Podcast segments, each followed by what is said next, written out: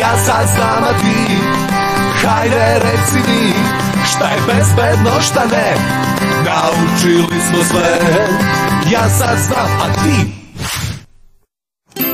Da li ste nekada morali da se krećete kolovozom zato što u toj ulici ne postoji trotoar ili je trotoar blokiran? Da li ste sigurni da ste postupili ispravno i niste ugrozili svoju bezbednost? Danas ćemo govoriti upravo o tome kako se pravilno kretati ulicom u kojoj ne postoji pešačka staza.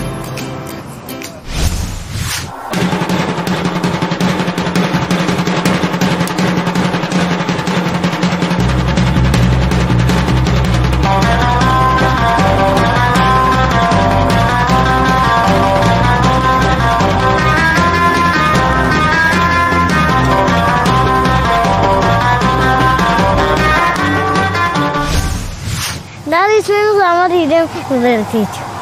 Pa mala deca, kao što si ti, ne bi trebali da idu sami u vrtić, jer to nije bezbedno.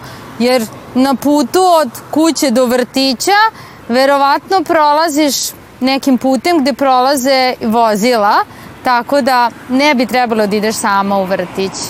Daco, kuda ja da idem ako nema pešačke staze?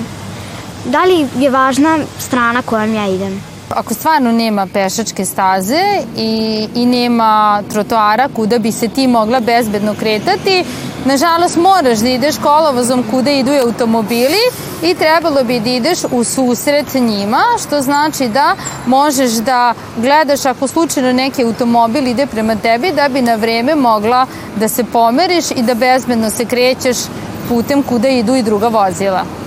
A šta ako ima neka prepreka pa ne možemo da prođemo? Ne vidimo ko, kada nam auto nailazi. U tom slučaju je potrebno da pažljivo obiđete taj automobil, morate proveriti da li ste bezbedni, da li idu vozila sa leve i sa desne strane i kada se uverite da nema vozila, obići ćete taj automobil i vratiti se na trotoar, to jest na pešačku stazu i nastaviti vaš put. Daco, kada idemo u većim grupama e, i ako nema trotoara, kuda treba da se krećemo?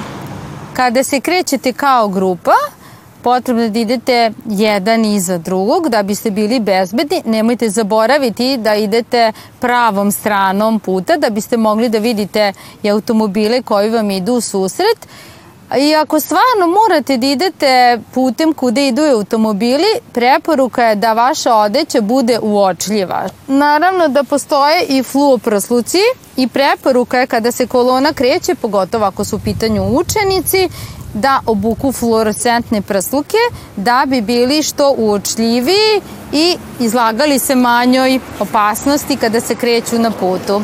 Ukoliko je su u pitanju neka manja deca, poželjno je da odrasle osobe idu na početku i na kraju kolone. A kada se vraćamo u škole, kada imamo malo više časova, e, kad je magla, kad je mrak i kad pada kiša, e, vozači nas ne mogu videti, čak i pešaci kada se krećemo, šta da onda da uradimo? Ali ja sam evo i donela nešto što postoji, što može da se stavi na svaku jaknu, ako bi pružio ruku da ti stavim, evo. Ovakve stvari služe vozačima da vas na vreme uoče, a naravno u onim naseljima gde je stvarno magla i još jednom prsluk je taj koji može da omogući da i u magli budete vidljivi jer kada vas farovi osvetle vidjet će se ove trake to je kao one mačije oči na, na biciklovima Pešak ne sme da se kreće i zadržava na kolovozu, osim u slučajevima predviđenim zakonom, kao ni da iznenada stupi na kolovoz. Kada postoji, pešaci su u obavezi da se kreću trotoarom. To je deo ulice namenjen pešacima. Na putu koji nema trotoara, namenjen za kretanje pešaka, pešaci mogu koristiti za kretanje kolovoz u širini najviše do jednog metra – računajući od ivice kolovoza. I obavezni su da se kreću jedan za drugim, osim lica koje vodi dete mlađe od 7 godina starosti.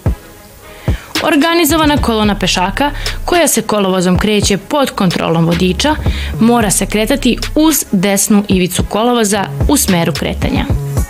U uslovima smanjene vidljivosti i noću, pešaci moraju imati svetlo odbojni prsluk ili neko trepćuće svetlo ili baterijsku lampu. Statistika kaže da su posljednja četiri meseca u godini mnogo rizičnije za stradanje pešaka nego ostali meseci, dok je najrizičniji mesec upravo mesec oktobar. Nadamo se da ste sve što smo vam danas govorili pažljivo slušali i zapamtili. I poštujući pravila u saobraćaju, čuvate svoju i tuđu bezbednost. Ja sad znam, a ti Hajde reci mi Šta je bezbedno, šta ne? Naučili smo sve. Ja sad znam, a ti